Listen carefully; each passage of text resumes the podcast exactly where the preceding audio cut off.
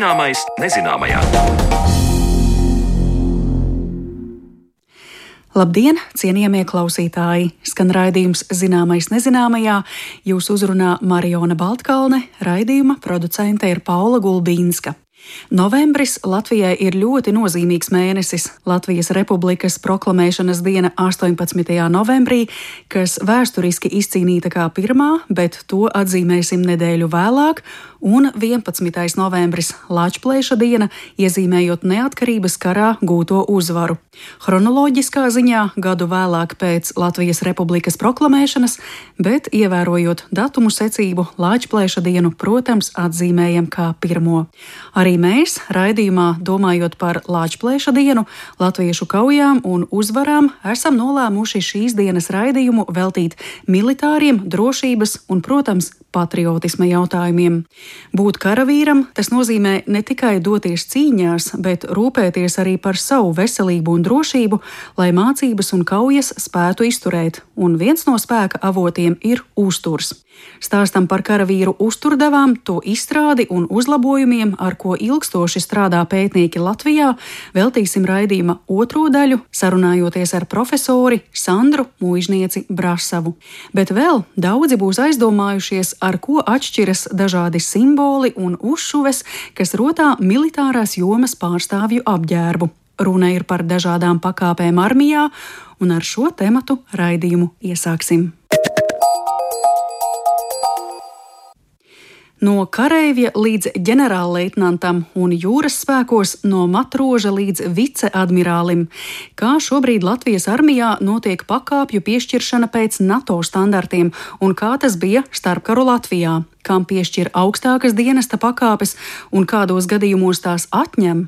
Par to visu mana kolēģe Zanelāce Baltalksne iztaujāja Latvijas Nacionālo bruņoto spēku atvaļināto pulkvedi Jāni Hartmani. Šodien Latvijas armijā pastāv 17 dažādas pakāpes.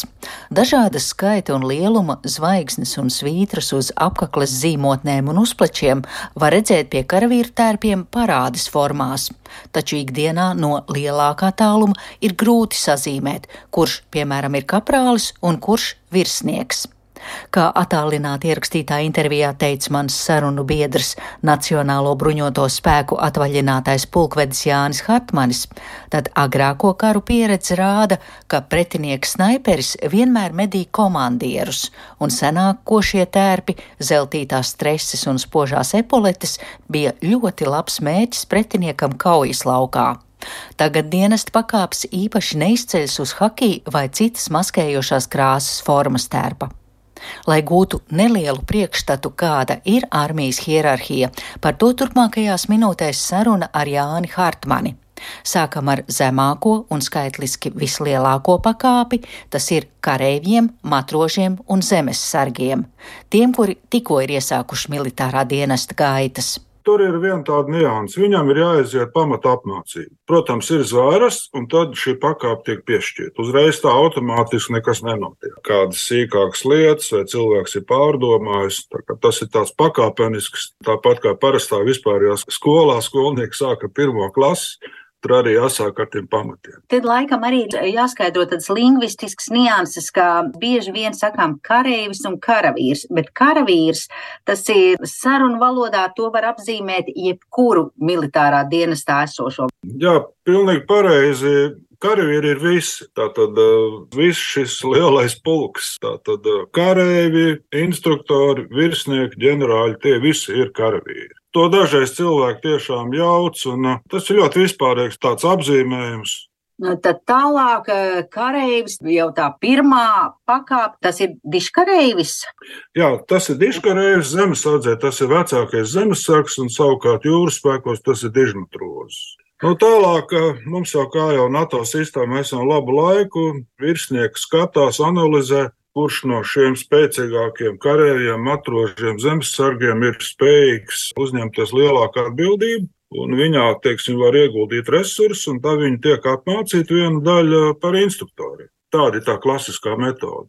Jo viņi jau ir to zemāko līmeni izgājuši, viņi labi saprot visas tās lietas, kas ir jādara, kā tas notiek, kā jādzīvo kolektīvā karavīri. Tad tas tā organiski, loģiski pāriet nākošā pakāpē viena daļa. Bet ļoti daudz paliek dienēt šai līmenī, apgūst kādu papildus specialitāti. Kā tur tā viss tā, teiksim, um, profesionālā karjera karavīri tiek plānota. Tas tas diezgan sarežģīts mehānisms, bet mēs esam NATO standarts ieviesuši un tas mums strādā.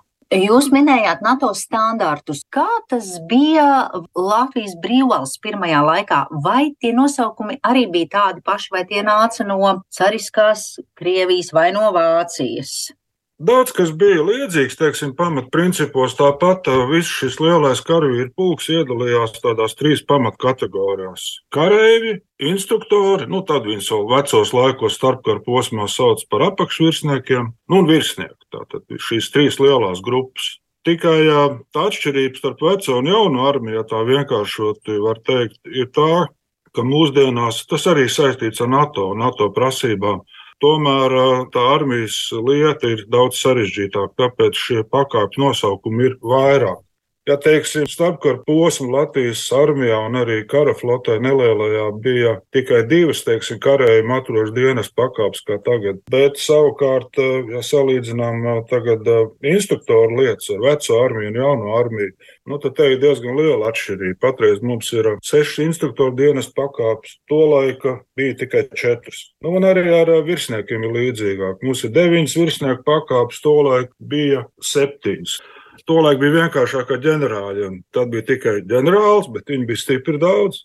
Krietni vairāk nekā tagad. Patreiz mums ir, teiksim, gradācijā, es jau tā kā pašā virsotnē uzliekas, tagad ir trīs ģenerāļu pakāpes. Brigādes ģenerālis, ģenerālmajors un ģenerālleitnants. Jā, un tad jūs par tiem standartiem vaicājāt. Nu, dabīgi, kad jāsāk tā pa visām šīm grupām, bet vairāk jau mēs runājam par instruktoriem un virsniekiem, lai, teiksim, tiktu tālāk no tā karējuma atrožu līmeņa. Dabīgi, ka tā ir fiziskā sagatavotība, ir jābūt mentāli, teiksim, garīgi nosvērtam, nedrīkst būt, kā lai saka, nekādas šīs problēmas ar, ar garīgo pasauli, tādā izpratnē, kad ar, ar nervu sistēmu un tam līdzīgi.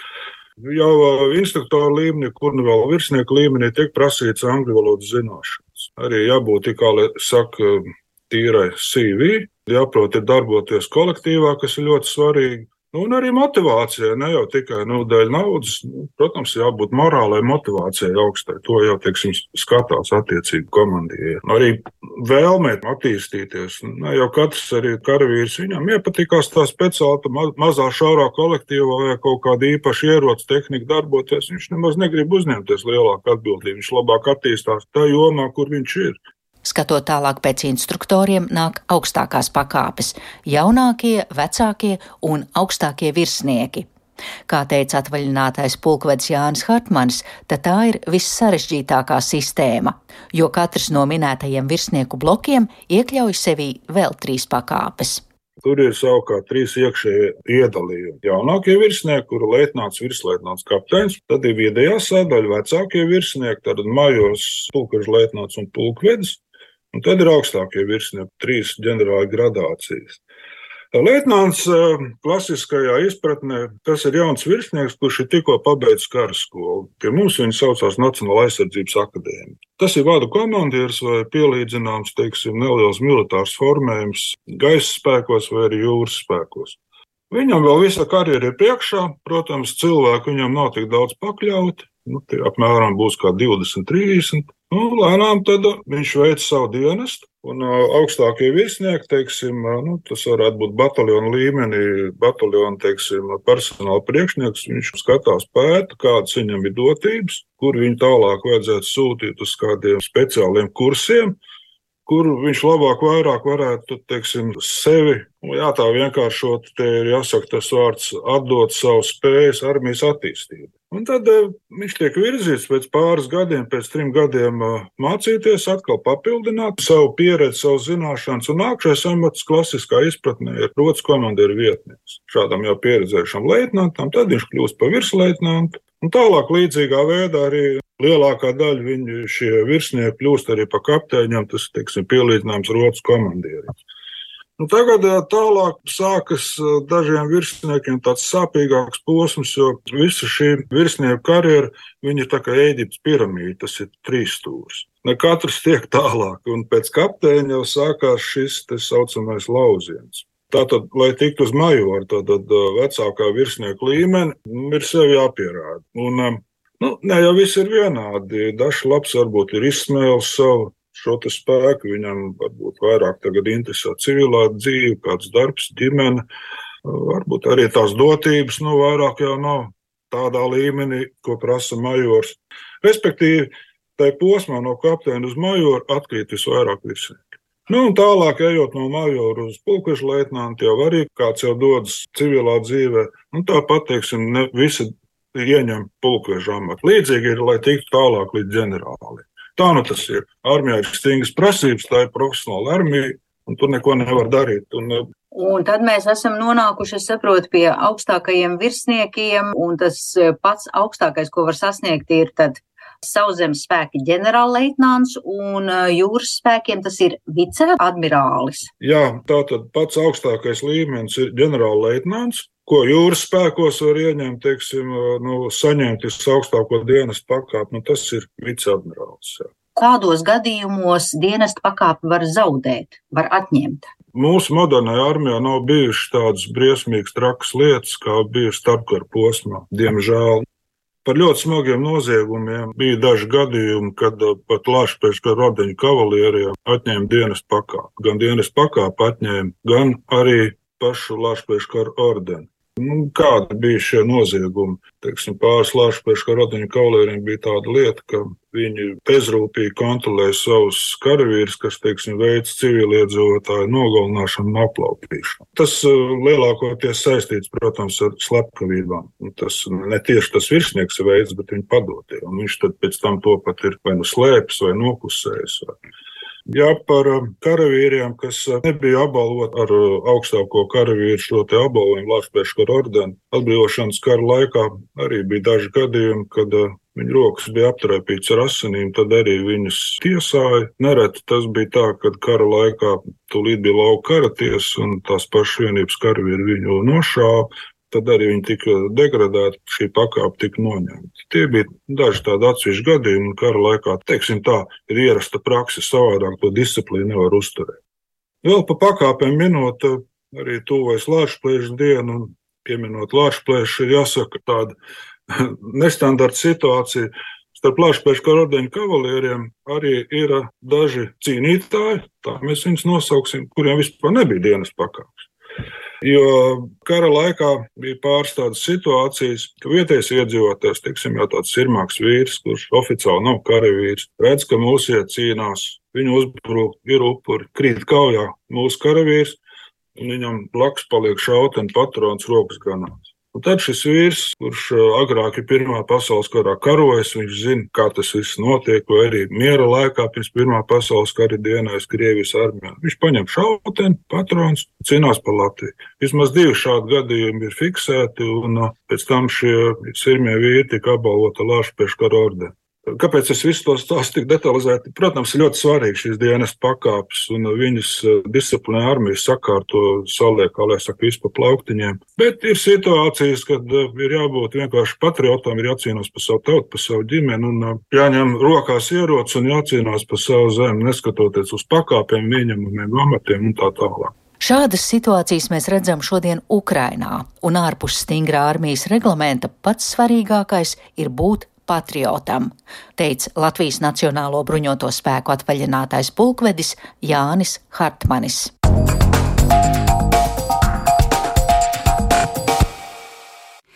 Ar pakāpēm Latvijas armijā un to, kā tās tiek piešķirtas, iepazīstināja Latvijas Nacionālo bruņoto spēku atvaļinātais pulkvedis Jānis Hartmanis. Pateicamies par stāstu, un to veidoja Zane Lāce Baltāksne. Bet kā tiek izstrādātas karavīru sausās uzturdevas, par šo tematu saruna raidījuma turpinājumā.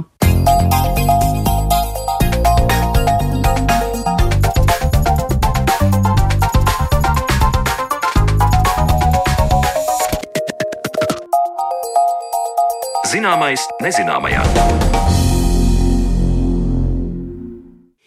Tuvojoties Lāčplēša dienai un pieminot tos, kuri par Latviju savulaik ir atdevuši dzīvības, mēs nevaram nedomāt par apstākļiem, kādos karavīri Latvijas brīvību izcīnījuši. Lielā salā ilgstoši bez silta ēdiena un jebkādām ērtībām.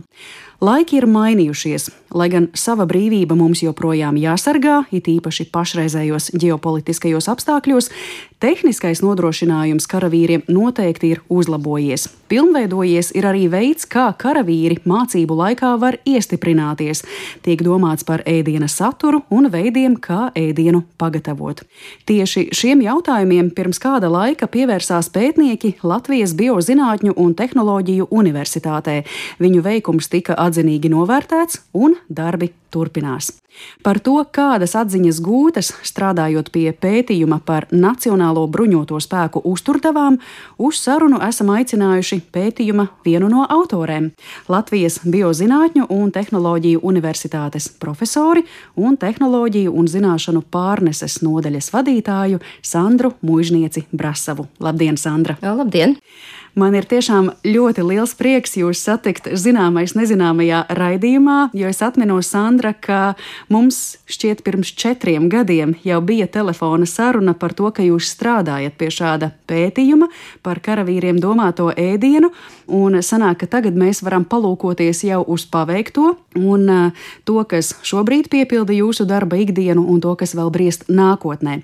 Bet, ja mēs runājam par paveikto, tā tad ir noslēdzies darbs pie jūsu iepriekšējā pētījuma sausās uzturdevas izstrāde Nacionālajiem bruņotajiem spēkiem, un par šo veikumu esat saņēmusi kopā ar saviem kolēģiem aizsardzības industrijas gada balvu izglītībā un pētniecībā. Kā jūs vispār savulaik nonācāt pie idejas šādu pētījumu veikt? Es jau vispirms gribētu sākt ar to, ka es gribētu teikt lielu paldies mūsu Latvijas ražotājiem, kur iesaistās. Jo, protams, ja zinātnē mēs strādājam un darbojamies, tad, ja nenotiek šī sinerģija un sadarbība, tad tie produkti arī nenonāk līdz veikala plauktam vai varbūt šī gadījumā līdz šim konkrētam projekta risinājumam. Sākums, es gribētu teikt, tas ir kaut kāds 2009. gads, tas ir jau krietni, krietni atpakaļ. Tas sākās ar vienu izstādes apmeklējumu, kas bija industrijas izstāde. Es gribētu teikt, tā mēs dzīvē droši vien, neko nejauši nesatiekam, bet tā bija nejauša tikšanās, kā, kurā mēs sākām runāt par to, ka citām valstīm, Amerikai, Kanādai un arī Polijai un citām valstīm ir savas uzturdevas, šīs sausās uzturdevas. Un Latvija nav. Un kāpēc mums viņas varētu nebūt? Un kāpēc gan mums būtu jālieto šīs ārzemēs ražotājs, ja mēs paši esam valsts, kurā mēs varam izaudzēt dažādus produktus, pārstrādāt un lietot savu vietējo pārtiku? Un līdz ar to tā pati sākotnēja ideja radās tāda, ka nepieciešams veidot savu pārtiku šeit Latvijā. Protams, kafiju mēs šeit nevaram izaudzēt izaudzēt uz vietas, ja, tad līdz ar to tā, tā mums ir pakota un ievesta, bet principā tas, kas Latvijā var izaugt, to mēs izmantojam Latvijas resursus. Ja mēs runājam vispār par pārtiku priekš nacionālajiem bruņotajiem spēkiem, ir trīs veidi dažādi. Viens ir tas, ka tiek lietota pārtika ēdnīcās, ar to mēs nenodarbojamies, mm. tas nav mūsu lauciņš, tur mēs tā kā daudz nepiedalāmies šajos procesos. Tālāk nākamais ir lauka virtuve, kas ir tajās brīžos, kad, piemēram, karavīri ir laukā, bet viņiem ir iespēja gatavot, un arī zemesargiem, kad ir, ir šī lauka virtuve. Un trešais veids ir tad, kad ir šīs sausās uzturdeva pakas, kad katram karavīram vai zemesargam tie ir šīs dienas deva, kuru principā viņš nesā sev līdzi. Un līdz ar to arī tas process ir tāds, ka tai jābūt iepakotam, viņam jābūt garīguma termiņam un attiecīgi arī vieglam, vienkārši paņemamam līdzi, lai varētu izmantot un darboties. Nu, un tajā brīdī, kad mēs sākām, likās, tas būs diezgan vienkārši. Izrādījās, nebija vienkārši. Mēs ar kolēģi Valdu, nu šobrīd viņa vairs nav šai saulē, Valdu Kozuli, kas ir droši vien, ka daudziem ir pazīstama arī kā pedagogs, kas ir mācījis par ēdināšanas un uzturu dažādiem jautājumiem. Mēs sākām likt šos te dažādas uzturdevu variantus. Bija tāda situācija, kad likās, iesim pie uzņēmējiem, teiksim, ka mēs vēlamies, gribam, un arī tā pieredze jau veidojās. Tad tajā brīdī, kad nācām pie uzņēmējiem, Latvijā bija ļoti milzīga problēma atrast produktus ar gariem derīguma termiņiem. Jo tajā brīdī, kad mēs runājam par šādām sausajām uzturdevu pakām, ir svarīgi, lai tas derīguma termiņš būtu divi, trīs un pat vairāk gadi, jo vairāk, jo labāk. Bet tas nenozīmē, ka produkts kā mēs sakām, varētu būt tukšs. Viņam jābūt visā šajā uzglabāšanas laikā, jāsaglabā savu vērtību, jo pretējā gadījumā nu, nav jēgas lietot mūsu pārtiku, no kuras mums attiecīgi nav šī pievienotā vērtība pašiem. Nu, lūk, un tad uh, bija tāda situācija, ka mēs devāmies pie viena, pie otra, trešā. It kā liekas, produktu tajā brīdī veiklos tirgos bija daudz, un ražotāji ir daudz, bet tajā brīdī, kad vajadzēja atrast produktus ar gariem termiņiem, nu, piemēram, maizi, kurai ir trīs gadu derīguma termiņš, neizdevās atrast. Līdz ar to mēs ar daudziem uzņēmējiem sākām meklēt, kādi varētu būt varianti, kādas varētu būt iespējas vienkārši šiem produktiem pagarināt derīguma termiņus. Un par cik mums pašiem augstskolā ir šī laboratorija, un es pati vairāk strādāju tieši iepakojuma virzienā, tad mēs vienojoties ar uzņēmumiem, skatījāmies, testējām, pārbaudījām, pagarinājām termiņus, testējām produktu kvalitāti un nonācām līdz pirmajām pakām. Mm. Un tas process bija tāds, ka mums likās, nu jau tagad būs skaisti, viss būs uh, fantastiski. Un tajā brīdī, kad mēs sapratām, ka mēs varam kaut ko jau piedāvāt, bija jāsliek pirmā paka, kas izskatās daudz maz tāda, kur varētu piedāvāt. Un tad, uh, protams, bija tas, ka mēs vairākus gadus gājām uz konkursu un mēs netikām viņā. Jo priekšā bija mums gan poļu piedāvājumi, gan lietuviešu piedāvājumi, un viņi pie tā arī bija sākuši strādāt, gan arī attiecīgi dažādi citu valstu piedāvājumi. Nu, tad mēs uh, pēc tam vairāk gadu garumā cīnījāmies, lai mēs uzlabotu, veidotu vēl tālāk un tā pētītu vēl vairāk pārējo valstu piedāvājumus. Nu, un tad, attiecīgi, 2011. gadā mūsu bruņoties spēki sāk lietot mūsu pirmo izstrādāto pārtiku, kur, protams, gribētu teikt tā, ka, ja mēs tagad salīdzinām, kāda šobrīd tā paka ir un kāda viņa bija pirmajā brīdī, es gribētu teikt tā, ka viņa stipri, stipri mainījusies, ir augusi, pārveidojusies. Šobrīd ir trešā jau paudze šīm pakām, un nu, jau strādājam pie ceturtās paudzes. Tā kā būs arī tālāk turpinājumi un nepārtraukti. Tā, tas ir nebeidzams process, un es saprotu, aizsardzības industrijas gada balvu izglītībā un pētniecībā esat saņēmuši noslēdzot to trešo posmu. Tagad risinās jau ceturtais. Mums sarunas laikā uz galda arī ir jūsu līdzi paņemtā paka, kurā ir daudz viskaut kas iekšā ar dažādām uzkodām, arī rīkiem, lai ēdienu apēstu, un tas viss ir paredzēts vienai ēdienreizei. Tātad uztur deva, tā ir paciņa ar visu, ko iekšā, vienai ēšanas reizei. Pareizi? Jā, pareizi. Un šādas pakas, principā šī sausā uzturdeva tiek paredzēta izmantot tajā brīdī, kad nav citu iespēju tikt pie maltītes. Un es varbūt gribētu arī pieskarties pie tā visa, kad mēs runājam arī par nacionālajiem bruņotajiem spēkiem un arī šīm aizsardzības industrijas virzienu. Nav tā, ka mēs apsēdāmies, izdomājam, ka tā paka tagad izskatīsies mm. šāda, jo ir vesela virkne dažādiem standartiem, NATO standartiem, un mēs arī virzoties uz šo visu, esam ņēmuši vērā visus šos principus.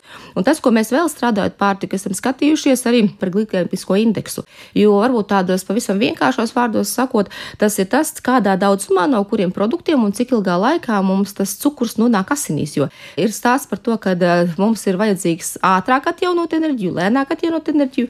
Līdz ar to katrai pakai ir noteiktais kaloriju skaits, un tā pakai ir paredzēta tāda, ka ir produkti, kurus ēdot ātrāk, jūs dabūjat šo sācis sajūtu, tādi, kur, kurus tā kā lēnāk lietojot. Tāpēc svarīgi būtiski, ka teiksim, tās pakas dienā tiek paredzētas trīs. Mēs arī kaloriju skaitu esam skatījušies tieši tāpat sabalansēti, skatoties, kā tas notiekās, teiksim, ar NATO standartiem. Protams, ir nianses, ir dažādas lietas, kuras mēs esam pieņēmuši, tas, kas attiecās tieši uz mūsu specifiku Latvijas, bet, attiecīgi, ja mēs skatāmies par tām kaloriju daudzumu, parasti jautājam, cik tad tā kalorijām ir jābūt dienas devā, tad, principā, pēc visiem standartiem ir jābūt 3600 kalorijām visas dienas garumā. Tas nozīmē, ka tās ir trīs pakas. Katrai pakai būtu jābūt 1200. Nu, mūsu uzstādījums tāds, ka mums ir ne mazāk kā 1300. Mēs tā kā gribētu teikt, mazliet palutinam. Jo stāsts ir par to, ka ir dažādas, gribētu teikt, noslodzes, dažādas slodzes. Un tad ir tā, ka šajos arī NATO standartos ir tā, ka pie lielas slodzes tās ir 4900 kalorijas, pie mazākas slodzes tās 3600. Mēs arī šajā vidū starp šiem abiem diviem variantiem arī tā kā esam. Atkarībā no tā, kāda tā komplektācija, ko liek iekšā, arī var skatīties un tad arī atbilstoši tam arī tas ir. Mm -hmm. Varat paraksturot, eh, kas vēl šajā pakā ir iekšā. Es tā tad redzu, tur ir rozīnes, vēl kaut kas uzkožams, maizīte. Tur ir tā, ka, ja mēs tagad skatāmies, tur ir pamatēdienas. Šajā konkrētajā pakā es paņēmu zirņu putru ar gaļu.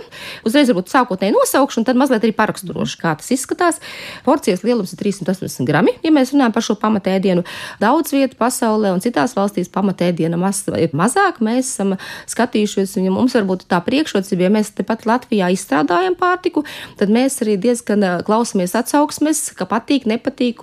Es gribētu teikt, ka man ir liels prieks redzēt interneta resursos daudz pozitīvas atsauksmes par produktiem. Un, protams, nekas nav ideāls. Un tajā brīdī, mēs redzam, ka var uzlabot, var papildināt kaut ko, attiecīgi darīt citādāk. Tāpēc mēs arī šeit uz vietas strādājam, darbojamies, lai mēs viņus attīstītu un skatītos, kas mums varbūt konkrētajā gadījumā vairāk ir interesējuši. Tad tālāk nākamais ir rudzu maize, jo liekas, no dieniņā ejam veikalā un pērkam maizi un esam pieraduši, bet tajā brīdī sevišķi, kad ir bijušie dažādās misijās mūsu karavīri un ka tā maizīte ir tā Latvijas garša, tā rupmaize, kad mums ir bijušas atsauksmes par to, ka tas patīk. Protams, ir jautājums, kā maizē var dabūt divi gadu derīguma termiņu. Ir jautājums, kāpēc viņa ir mazliet spītīga. Ir.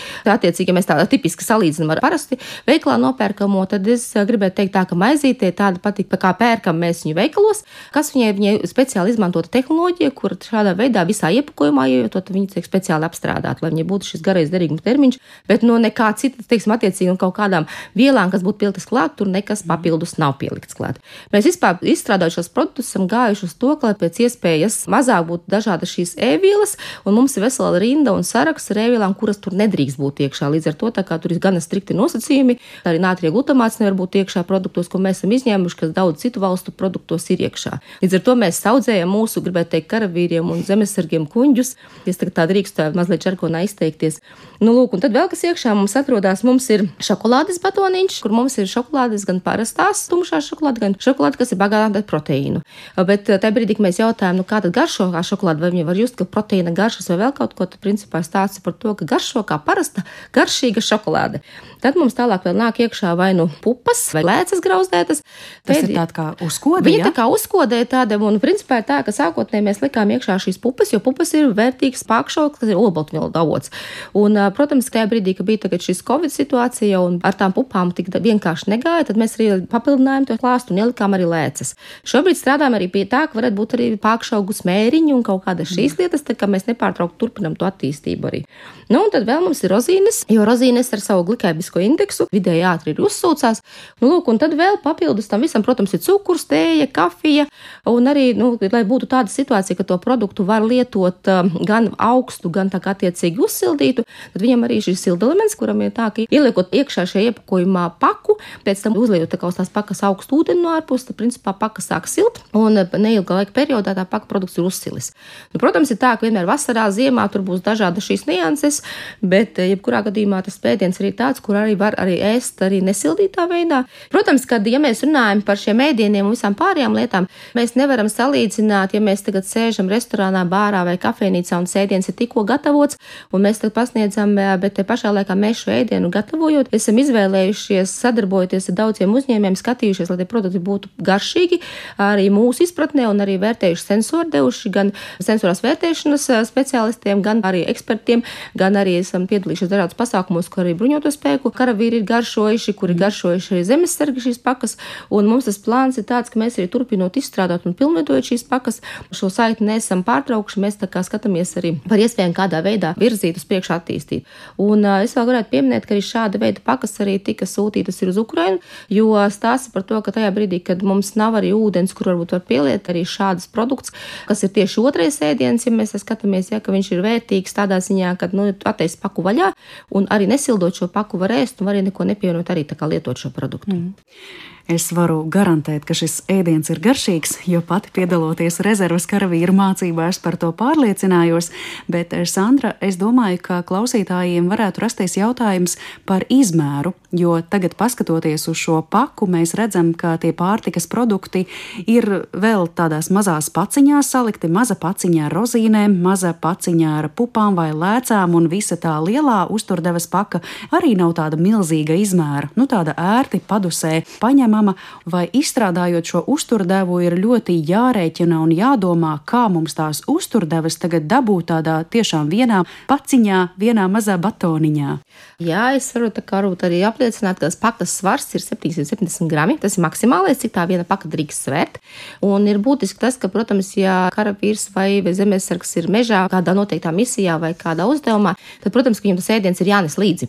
Un tas stāsta par to, ka, ja tas produkts izņems daudz vietas un viņš būs smags, attiecīgi, tad, protams, tas uzreiz mums procesu padara grūtāk realizējumu.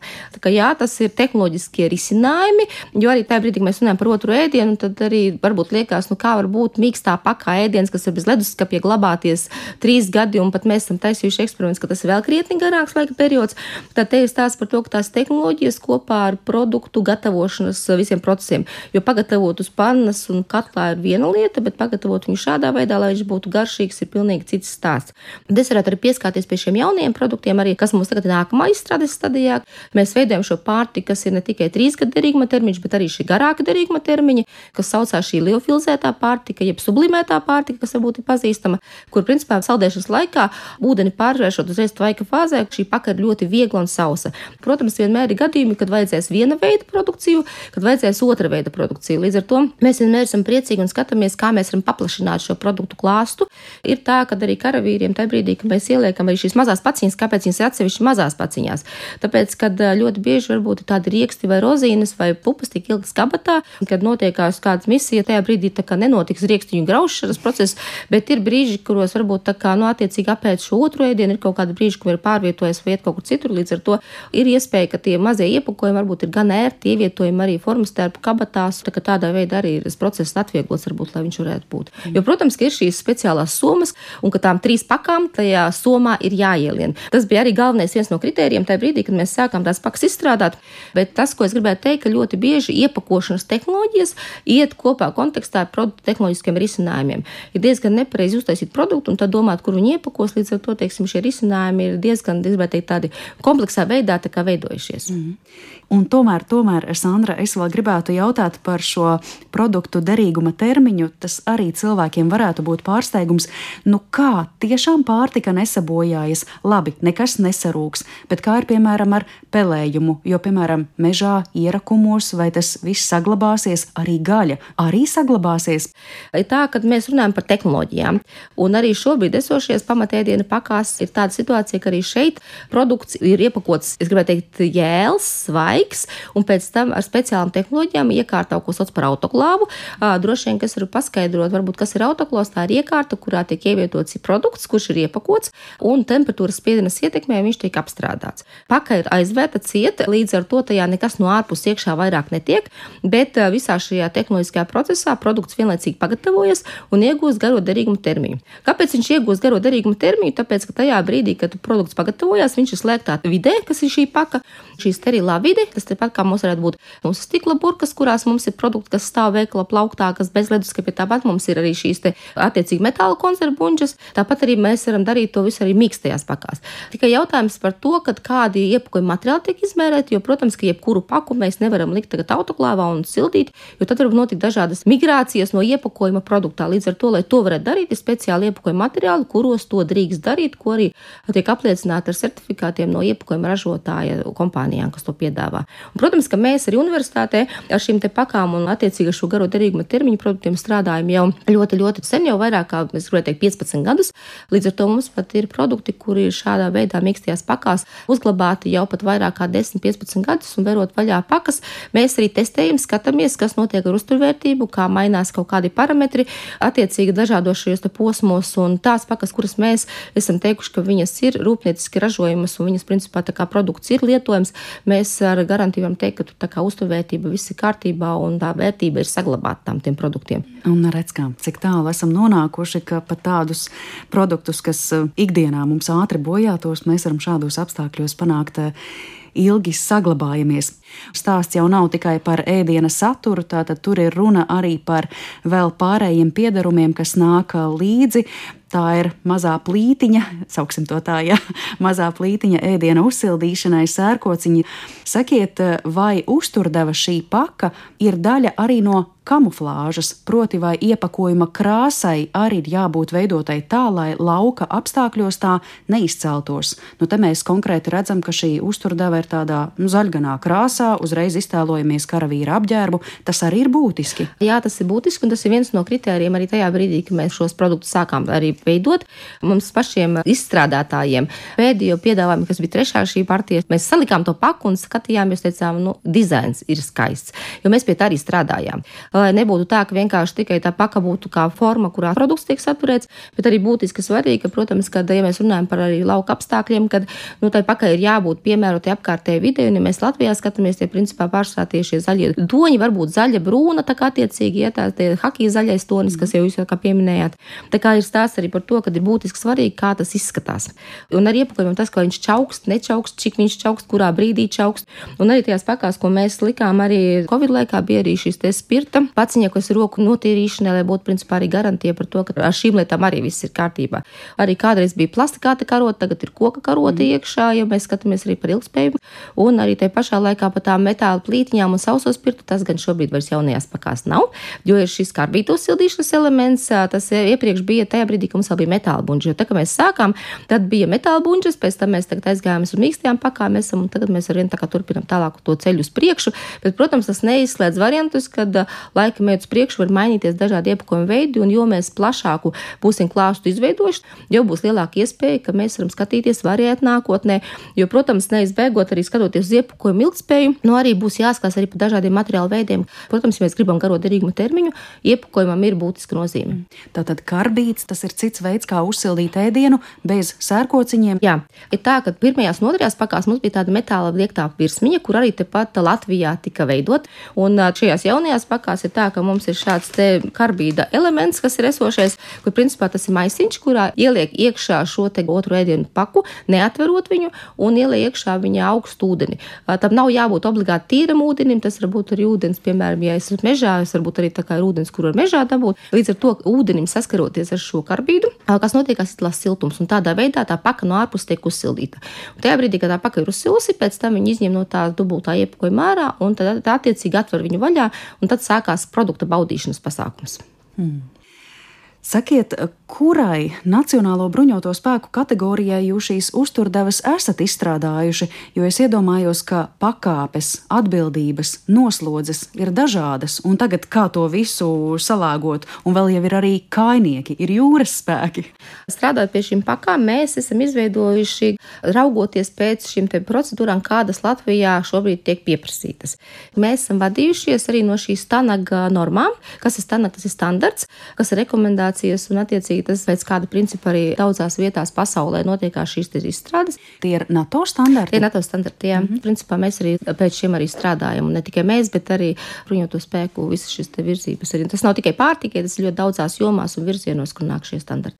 Un, protams, kad mums šobrīd jau karavīri sāk prasīt, ka viņi gribētu veģetāros, vegāniskos ēdienus. Protams, mēs skatāmies uz šiem apjomiem, cik mums ir jauniešu vai karavīru, kas mums veic šo dienestu un darbojās līdz ar to tā kā visiem vienmēr stāsts arī par to, cik uh, daudz kādas grupas kā veidojās. Šobrīd uh, piedāvājumā pakā viņam principā mums tās, kā jūs minējāt, sākotnēji no tām 3600 kalorijām līdz tām 4900 kalorijām, mums ir tā, ka mums ir pamat šī paka un ir iespēja variēt, pēc tam liekot klāt arī papildus elementus. Bet tā vairs nav mūsu izvēle, es gribētu teikt, mani kā zinātnieki attiecīgā izvēle, bet tas jau tālāk nāk stāsts par to, kādi ir iepirkumi, kādas ir iespējas komplektācijām, kā tur tiek tālāk lemts jau struktūra struktūrās, kuras ir atbildīgas par ēdināšanu. Mm.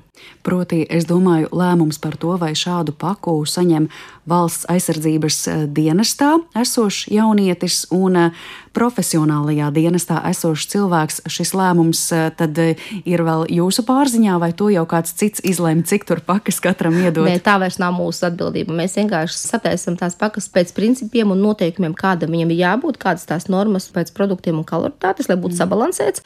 Un tālāk ir šis iepirkums uz vairākiem gadiem. Pēc tam ik pa brītiņiem ir šie pieprasījumi, un tad attiecīgi tā vairs nav mūsu kompetence pateikt, nu, cik mēs liksim klāt kaut ko vēl, kaut ko, to izlem citi. Jūs minējāt, ka nu jau sāk arī citas prasības parādīties, piemēram, par veģetāru uzturu. Kas ir galvenās problēmas, ar kurām jūs kā pētnieki esat saskārušies plānojot un vispār veidojot šādas sausās uzturdevas karavīriem? Nu, piemēram, šķidruma trūkums. Šeit mēs skaidri redzam, ka sausajā uzturdevā zupas nebūs. Vai tas, piemēram, rezultējas arī ar kādām sūdzībām, vitamīnu trūkums? Es gribētu teikt tā, ka nav, ka zupas nebūs. Mm -hmm. Jaunajās pakās, jaunajās, kas ir šīs te pakas, ir jau arī tagad jau ir 21 dažāds variants. Ja mums ir stāsts par to, ka šobrīd bija gatavs otrais ēdiens un viņam viss mitrums ir iekšā produktā, tad, protams, tas uzreiz taisītu smagāku produktu. Ja mēs runājam par šiem liofilzētiem produktiem, tad te būs gan zupas, gan saldie jau būs. Līdz ar to tur ir attiecīgi ūdens daudzums, kas jāpieliek. Vienmēr ir jautājums, vai ir kur to ūdeni ņemt, bet uh, ir dažādas misijas, dažādi noteikumi, ir arī pasākumi, kuros karavīram ir šis ūdens pieejams. Līdz ar to tas atkal ir tā, ka mūsu uzdevums ir izstrādāt, dot variantu, kad šie militārās jomas, es gribētu teikt, atbildīgie cilvēki zina, ka šādas ir. Viņi attiecīgi akceptējuši, ka viņas ir gan garšas ziņā, gan kaloriju ziņā pietiekamas, pieejamas. Tālākais jau kurā misijā, kāda veida produkti tiks izmantoti, kādi tiek iekļauti, tas jau atkal ir iepirkuma jautājumi, viss pārējais. Šeit arī principā jau kopš tā 2011. gada mēs arī nepārtraukti piedalāmies šajos iepirkumos, un mēs kā universitāte sadarbojoties ar uzņēmējiem attīstam, attīstam, attīstam produktus, skatāmies piedāvājumā, ko mēs redzam, kas no teiksim, tāda zinātniski pamatota piedāvājuma, arī jūs minējat vitamīni, minerāli, vielas un viss pārējais, kas iekšā. Skatāmies, sekojam līdzi, lai izmantotu tehnoloģijas, lai tas viss saglabājās arī uzglabāšanas laikā. Jo viens tas, kad mēs varam izlasīt kaut kur resursos, internetā vai vēl kaut kur tagad, ka šis produkts var glabāties, nu, es nezinu, 10, 15, 20 gadus, bet ir būtiski svarīgi, ka ir tas zinātniskais vai varbūt tas pierādījuma efekts segums, ka mēs esam taisījuši analīzes un konkrētiem produktiem pārbaudījuši, testējuši, skatījušies, jo arī šie visi produkti, kas šobrīd ir pieejami, gan jau šobrīd esošie, kas tiek piedāvāti jau šajās sausajās uzturdevās, gan arī tie, ar kuriem mēs šobrīd strādājam un testējam. Arī šie sausās uzturdevas nav radušās, nu, teiksim, šīs sausās liofilzētās viena gada laikā, vairāk gadu laikā mēs esam pie tā strādājuši. Ir vairāku gadu arī šie pētījumi ar pātrinātāju metodēm, ar parastām metodēm, kur mēs esam testējuši, pārbaudījuši arī šo produktā esošo vitamīnu, minerālu vielu, visas pārējās mm. lietas, kurām tur jābūt iekšā.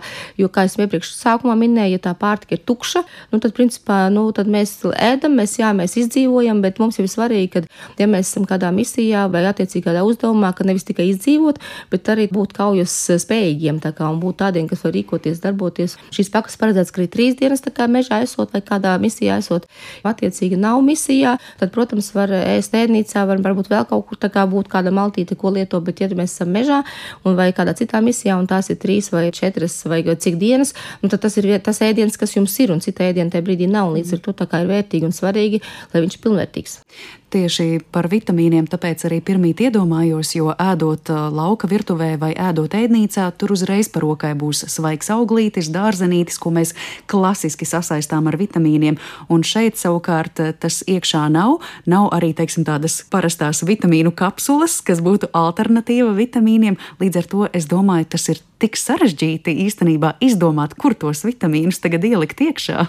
Nu, mēs tā mākslīgi viņus klāt neliekam. Mm. Mēs tieši tāpēc, veidojot šo produktu receptūru, skatāmies, kādas ir šīs iespējas, ko mēs varam dabūt no šiem produktiem. Jo ļoti bieži arī cilvēkam liekas, ja jau produktam ir garšdarīguma termiņš, nu, tad viņā ir iekšā, nu, ja mēs tā runājam no dažādām pievienotajām vielām, nu, gana daudz visakā.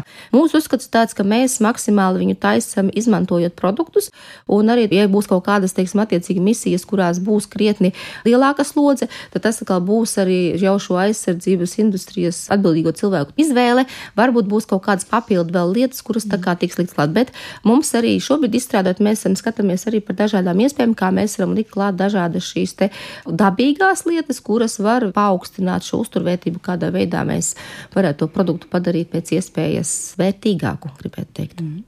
Sandra, kādas ir atsauksmes no mūsu karavīriem? Kas viņiem garšo? Vai karavīri tomēr dod priekšroku tai ēdnīcas kotletei, vai ļoti labi pie sirds iet arī tas, kas ir uzturdevā?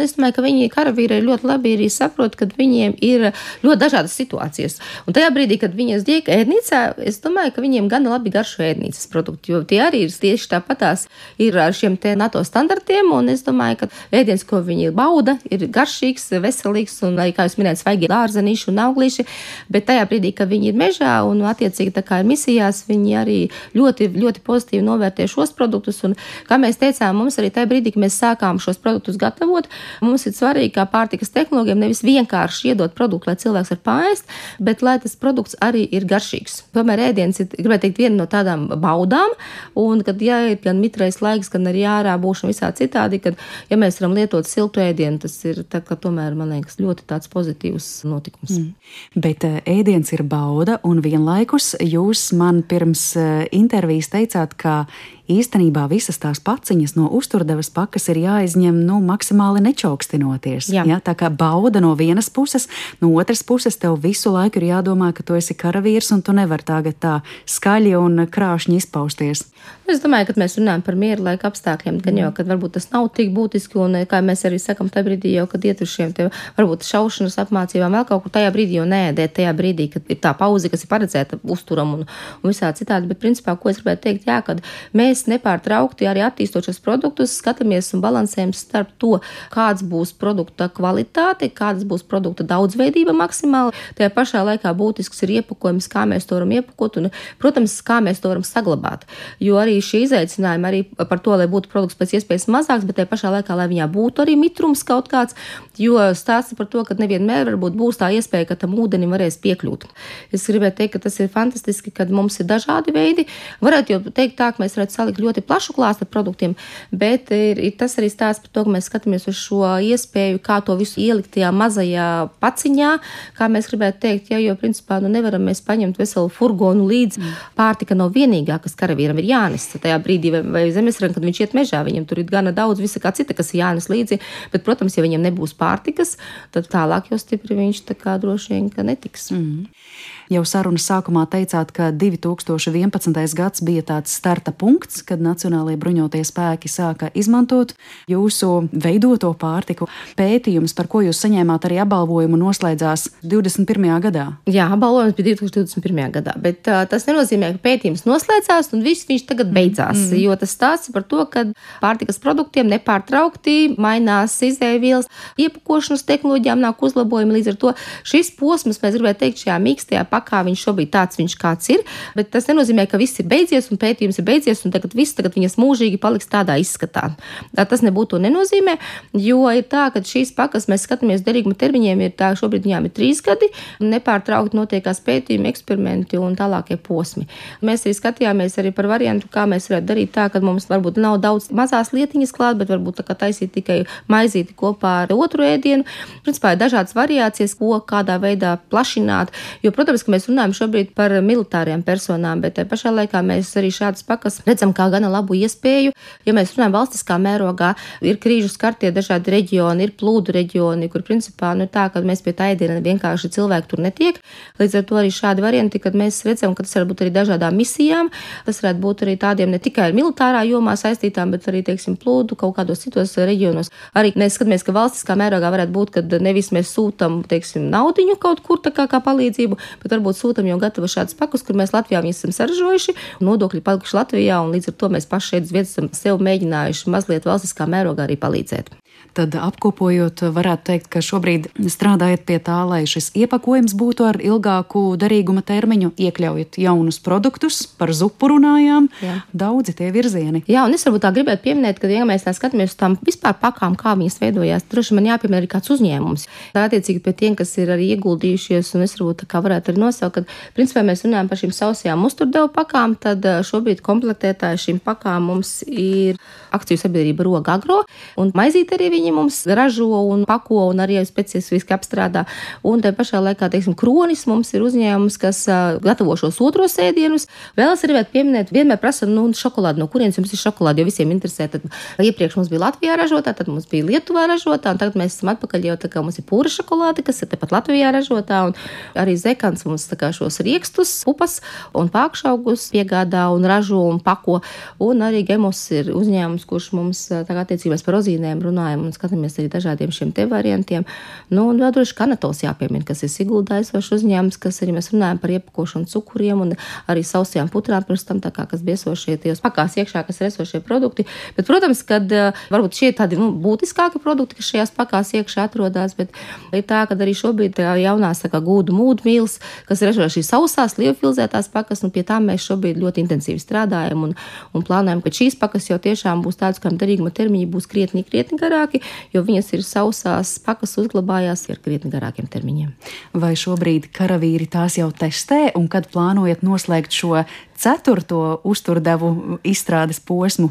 Nu, šobrīd tā, kad mēs sākam jau testēt, arī ādažošajā industrijas dienās jau devām garšot un skatīties, un arī food izstādē jau devām arī garšot, un bija arī militārie pārstāvi, kas nāca garšoja, skatījās.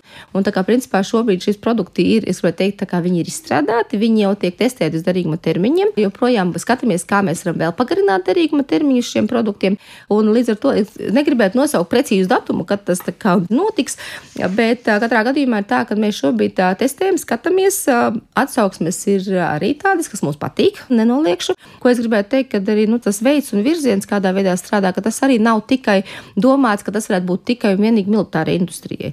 Stāsta par to, ka šie produkti varētu būt arī gana vērtīgi sportistiem, kalnoskāpējiem un aktīvā dzīvesveida piekritējiem, jo šis produkts ir gana viegls un ērti lietojams. Arī mēs skatāmies par dažādiem krājumiem, pašiem tā kā pārtikas kaut kādām veidošanām, tad šie produkti ir tādi, kuri var uzglabāties bez leduskapja.